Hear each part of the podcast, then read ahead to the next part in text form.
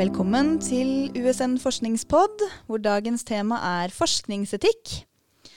Forskningsetikk er et tema som alltid er veldig relevant, ettersom det er noe alle som jobber med forskning forholder seg til på en daglig basis. Men hva er forskningsetikk, og hvordan forholder vi oss til det i forskningen vår? Vi har med oss Anette Birkeland, som er sekretariatsleder i granskningsutvalget ved de nasjonale forskningsetiske komiteene.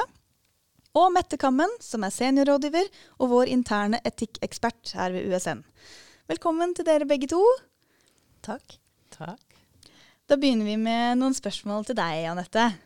Kan du forklare for oss hva som er kjernen i forskningsetikk? Kjernen i forskningsetikk, det er drømmen om den gode forskninga. Det å få til god forskning på samme måte som allmennetikk handler om det gode liv. Så handler eh, forskningsetikk om å få til god forskning, god og ansvarlig forskning, som samfunnet kan ha tillit til. Hmm. Er, eh, jeg tenker på Når jeg tok sosiologi på Universitetet i Oslo på 90-tallet, så kan ikke jeg huske at vi snakka så veldig mye om forskningsetikk. Vi snakka veldig mye om metode og reflektere rundt måten vi gjennomførte forskningen på. Eh, hva, hva, vil du si om forholdet mellom metode og forskningsetikk? Forskningsetikk har jo kommet på agendaen fra 90-tallet og seinere. Så det, det, er kanskje ikke så rart at man ikke snakket så mye om det da. Mm. Men forskningsetikken den kom jo tilbake helt fra vitenskap. altså Man kalte det vitenskapsetikk mm. før. Og den, man har jo med seg elementer fra, i forskningsetikken i dag. Det har man med seg helt fra vitenskapens, den moderne vitenskapens begynnelse, sånn fra 1660-tallet. Mm. Da var det mye de forskningsinterne normene. altså dette med Man har jo utviklet dette med hvordan man skal referere til andre forskere, hvordan man skal søke sannhet, redelighet. Etter andre verdenskrig så ble det jo mer fokus på andre ting. Dette med å ivareta personer etter det man opplevde under andre verdenskrig, f.eks. En del medisinske forsøk som ble gjort i konsentrasjonsleire. Mm. da ble dette med frivillighet, samtykke Det ble mye fokus på det. Mm. Uh, innenfor naturvitenskapen så opplevde man jo dette med forskning på atombomben. Mm. Og dette, alt dette har jo kommet inn etter hvert. Altså hvilket samfunnsansvar forskere har, f.eks. Så har man kanskje ikke snakket om det som forskningsetikk tidligere, men kanskje hatt det mer inne som nettopp metode. Da. At det har vært en, en måte å at man har sett på det som noe av det grunnleggende mm. innenfor forskningen. Og da mm. har man snakket om metode eh, Først og fremst frøymete da, som mm. metode. Mm. Men i dag snakker vi om metode og etikk. Mm. Nå jobber jo du i de forskningsetiske komiteer, Anette. Hva slags arbeid gjør dere?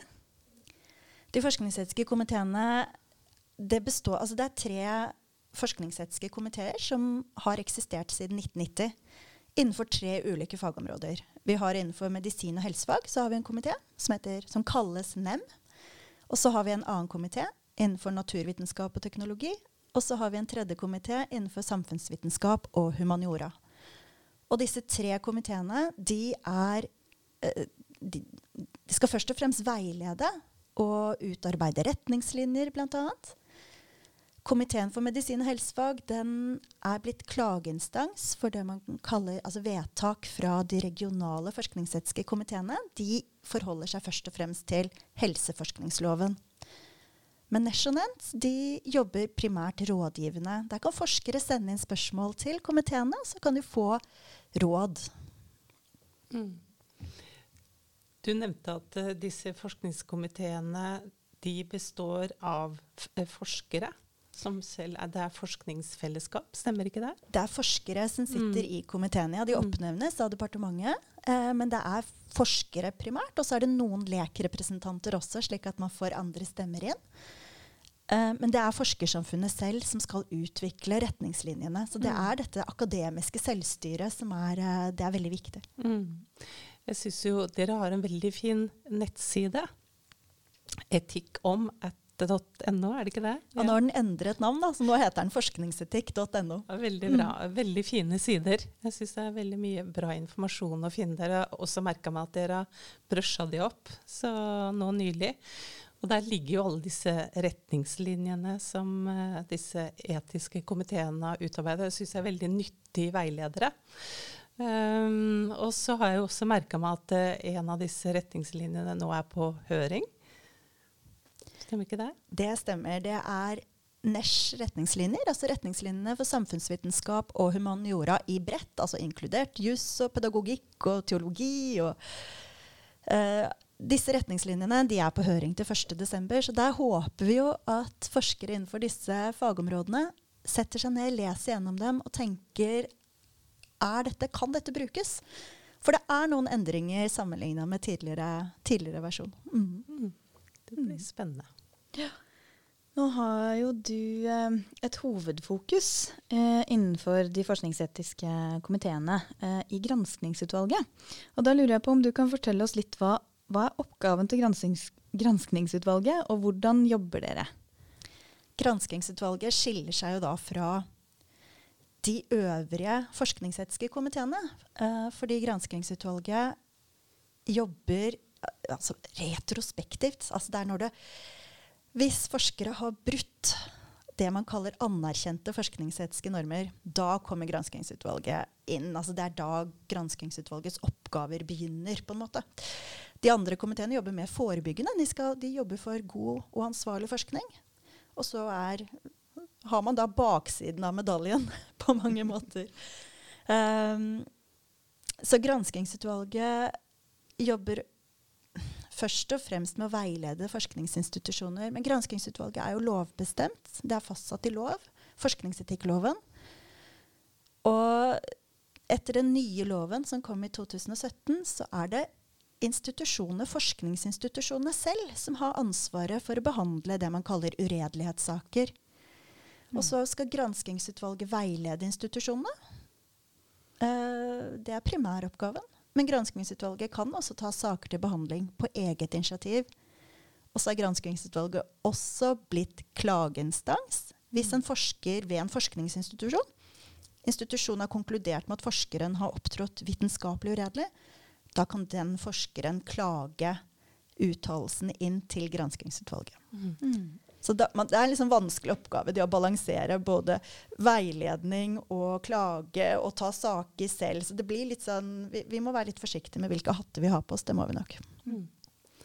Jeg har jo merka meg, altså Dere legger jo, Når granskingsutvalget har drøfta en sak, og dere gjør en veldig grundig drøfting, og der sitter også forskere og altså det er en veldig sånn bredt sammensatt panel i granskingsutvalget.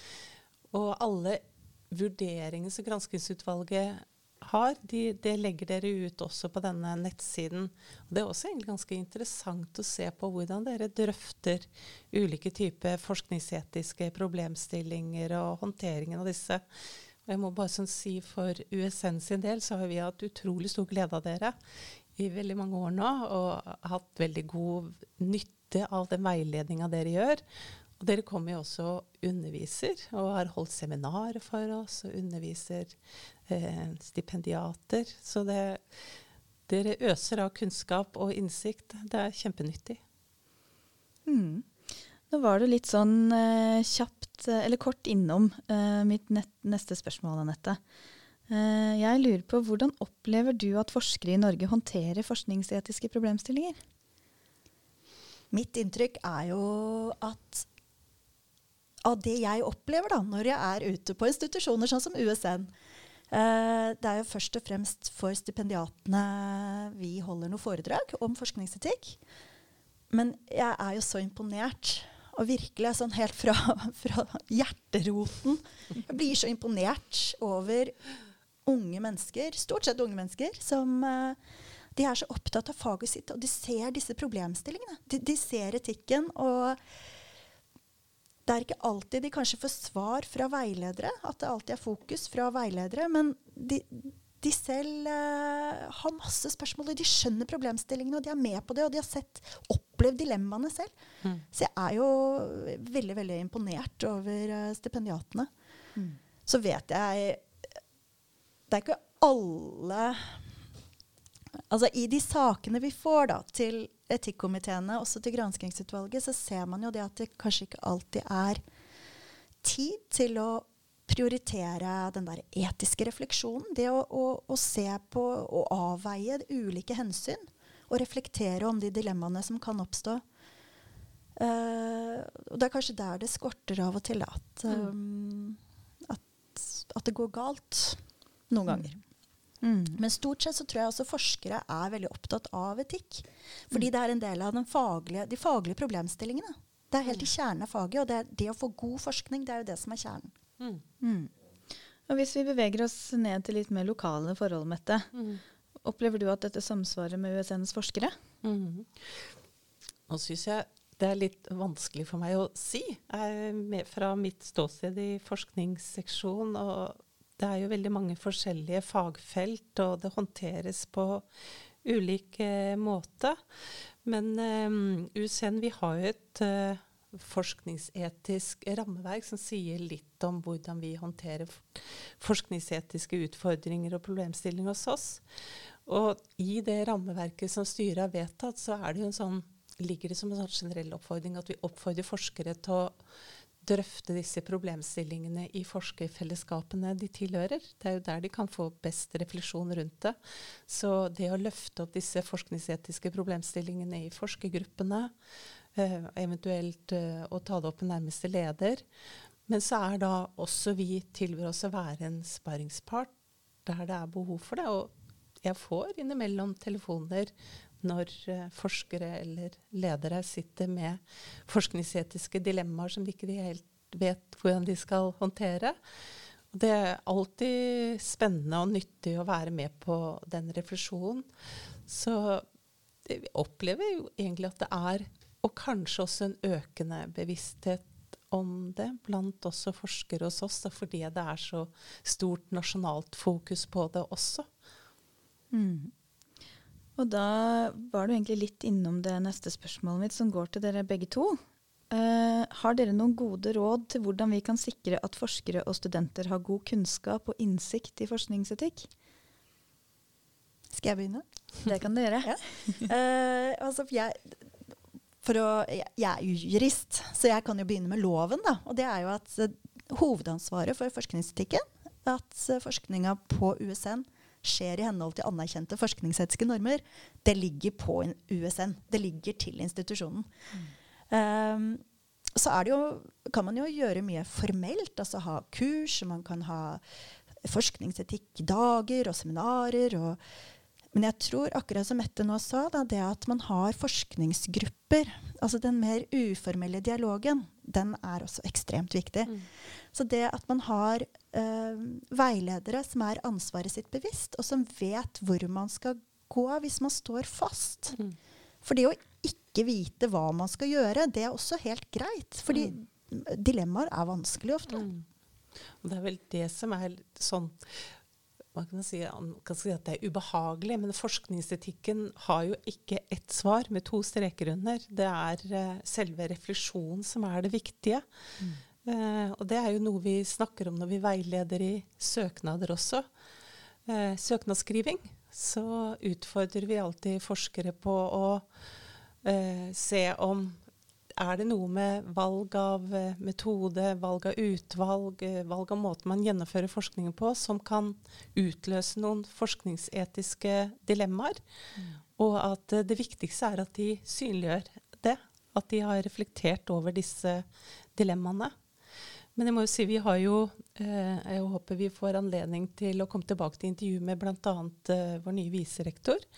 Mm. Hun, eh, Heidi Ormstad, for hun har jo faktisk undervist selv i forskningsetikk. Sitter også i REC. Og jeg opplever at vi har Nå har vi akkurat fått Forskningsutvalgets støtte til å etablere et forskningsetisk råd ved USN. Og vi skal ut med en spørreundersøkelse, så jeg opplever at vi har veldig sånn god backing da, fra ledelsen på å ha fokus og løfte forskningsetikk som tema. Så får vi denne fine poden også, da, så da er vi i gang. ja, det Vi håper jo at det kan bidra til eh, at dette temaet blir eh, enda mer hverdagslig da, for mm. våre eh, forskere og for våre undervisere og alle de som har med forskningsetikk å gjøre. Mm. Eh, da vi forberedte denne episoden, Anette, så nevnte du at en del forskere misforstår forskningsetikk som personvern, og klarer på en måte ikke å se at det er veldig mye mer enn det. Kan du si litt mer om det? Som jeg sa tidligere, så er jo forskningsetikk handler om alt fra uh, de forskningsinterne normene, hvordan man skal utføre forskninga best mulig.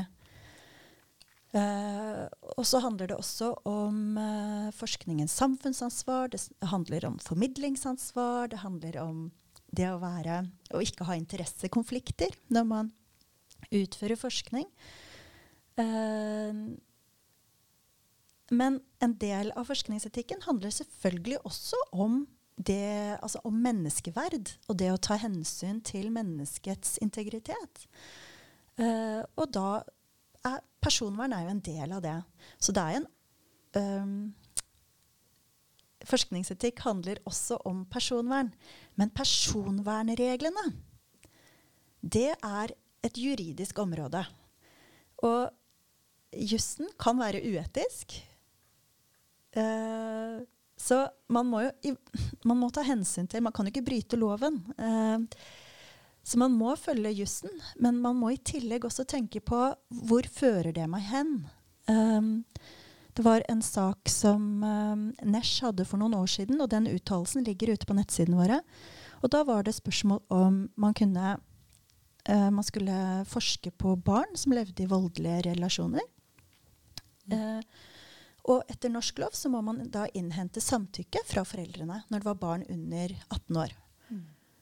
Uh, men så vet man fra forskning at dette kan trigge voldelige reaksjoner mm. i disse hjemmene. Er det da etisk ansvarlig og forsvarlig å innhente samtykke fra foreldrene? Så forskningsetisk sett så kunne man klart seg uten samtykke, fordi det er viktig å forske på på sårbare grupper som kanskje ikke blir forsket på ellers. Mm.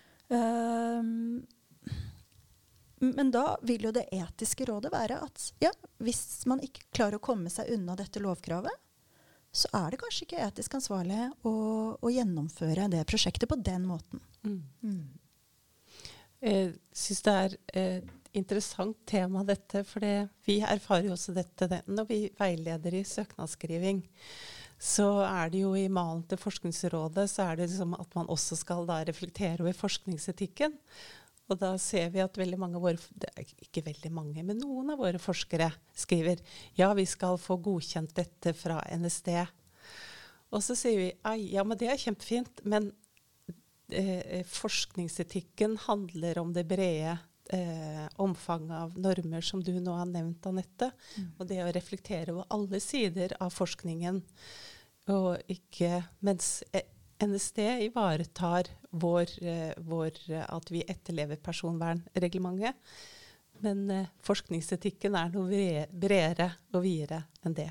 Og vi ser jo det i en del av de henvendelsene vi får, så er det jo det gjelder forskningsprosjekter som nettopp har svart ut på den måten mm. i søknader til f.eks. For mm. Forskningsrådet at uh, ja, uh, vi, vi, har fått godkjenning, uh, eller vi skal melde det til NSD. Men det er jo ikke en etisk refleksjon, det. Nei. I det hele tatt. Nei. Det er bare at du etterlever regelverket. Mm. Så der vil jeg gjerne utfordre forskere til å tenke gjennom altså, hvilke problemstillinger møter man på. Hvorfor gjør man de valgene man har gjort? Hvorfor innhenter man uh, Eller hvorfor har man den uh, De forskningsdeltakerne, hvordan ivaretar man dem, f.eks.? Mm. Mm. Kunne tenke meg å følge opp med et, uh, en erfaring til. Og det er jo at vi av og til får henvendelser fra forskere som etterspør om vi kan gi en forskningsetisk godkjenning av prosjektet deres. Og det er jo noe vi ikke gir i henhold til Altså som ikke vi er forpliktet til å gi i henhold til det norske regelverket eller forskningsetikkloven og måten vi håndterer forskningsetikk i Norge. Men vi vet jo at i USA og en del andre land så gir faktisk universitetene en forskningsetisk godkjenning. Har du noen sånn kommentar eller refleksjoner rundt det? Ja, vi kjenner jo det fra etikkomiteene, også de nasjonale mm. komiteene, at det kommer altså hen, um, Forskere henvender seg til oss og ber mm. om å få en vurdering, fordi, ofte fordi tidsskriftene krever det. Ja. for å få publisert. Og det er noe som kommer fra, fra medisin og helsefag, for der Mm. er det krav om etisk godkjenning. Mm. Så, um, men in, i Norge så har vi ikke et system for etisk godkjenning utenfor medisin og helsefag. Mm. Så uh, der er det Og forskerne selv som må gjøre de vurderingene som disse rekkene og Mm. NEM gjør. da. Mm. Eh, og, og det har liksom Å tenke gjennom. Se gjennom hvilke etiske problemstillinger. Så, så der, det ligger til forskerne. Man kan på en måte ikke frigjøre seg fra det ansvaret ved å overlate det til en etikkomité. Man må gjøre Mm. det selv. Mm. Eh, så må jeg også si at i, eh, i EU nå så har man jo krav om sånn ethical assessment i, i EU-søknader. Og der har vi opplevd i etikkomiteene at, at, at norske forskere har fått nei eh, når de har svart ved å henvise til NSD. Så har da denne Mm. da har de fått tilbakemelding om nei, her må dere gjøre en etisk vurdering. Og så har norske forskere blitt litt sånn ja, men, ja, men hva betyr det? Hvordan gjør man en sånn etisk vurdering? Så det er egentlig bare altså, Tenk gjennom alle disse valgene man har gjort seg. Både på samfunnsansvar, hensynet til forskningsdeltakere, og eventuelt også interne, forskningsinterne normer. Hvordan har vi løst det med forfatterskap osv. Mm. Mm. Ja, da lurer jeg på Dere har et arrangement i uke 42 i de nasjonale forskningsetiske komiteene. Da har dere jubileumsuke for forskningsetikk. Hva går dette arrangementet ut på, og hvem er det som kan delta på det? Eh, vi er da 30 år neste uke, eh, og da arrangeres det tre forskjellige webinarer. På mandag allerede, så er det, altså mandag 12. oktober, da er det et webinar om hva er etisk akseptabelt. Da er det tre filosofer fra ulike fagområder som, eh, som snakker sammen. Det er påmelding gjennom eh, nettsidene våre, og det er åpent for alle å delta. Ja. Og så følges det opp på torsdag 15. Nei, 14. 15. ja. Så er det et webinar hvor vi legger fram en rapport, en forskningsetisk rapport om uh, stordata. Forskningsetiske problemstillinger som kan oppstå ved bruk av stordata i forskning. Spennende. Mm. Eh, Da vil jeg gjerne takke dere begge for at dere kom til oss i USN forskningspod, og for en god og viktig samtale om forskningsetikk. Så kjære lytter, dersom du er interessert i å få en bedre oversikt over forskningsetikk, og hvordan vi forholder oss til etikk og redelighet i forskning, burde du ta en tur innom jubileumsuka for forskningsetikk. Takk for at du lytta til denne episoden av USN forskningspod. I neste episode kan vi friste med en samtale om open access og open science. Og jeg håper jo at du lytter innom også da, da.